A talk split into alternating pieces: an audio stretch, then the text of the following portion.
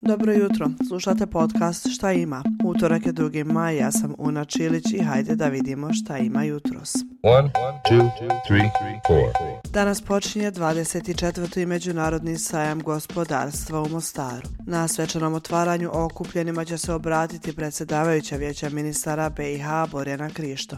Ona će se na marginama sajma sastati i sa premijerkom Srbije Anom Brnabić. A pored Krišto je i predsjednik Hrvatskog narodnog sabora BiH Dragan Čović održat će sastanak sa predsjednicom vlade Srbije. Sajam gospodarstva traje od danas pa do 6. maja. Danas obilježava i svjetski dan astme. Kako kažu iz globalne inicijative za astmu, većina smrtnih slučajeva od ove bolesti disajnih puteva dešava se u zemljama sa nižim i srednjim prihodima.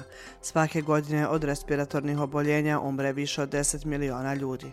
Procjenjuje se da u svijetu od astme boluje više od 300 miliona osoba. A kada je u pitanju BiH, recimo u federaciji je 2020. godine zbog astme umrlo 28 osoba osoba. Prvi svjetski dan astme 1998. godine obilježen je u više od 35 zemalja, a danas je postao jedan od najvažnijih dana kojim se podiže svijest i obrazovanje o ovoj bolesti.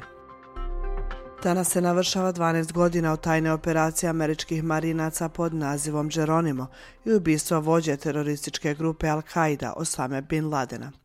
Teroristički napad 11. septembra 2001. godine u New Yorku, Washingtonu i Pensilvaniji dali su ponovnu hitnost potrage za saudijskim terorističkim vođom. Ubistvo Bin Ladena, prema mišljenju stručnjaka za sigurnost, imalo je, osim po Pakistan, i globalne posljedice.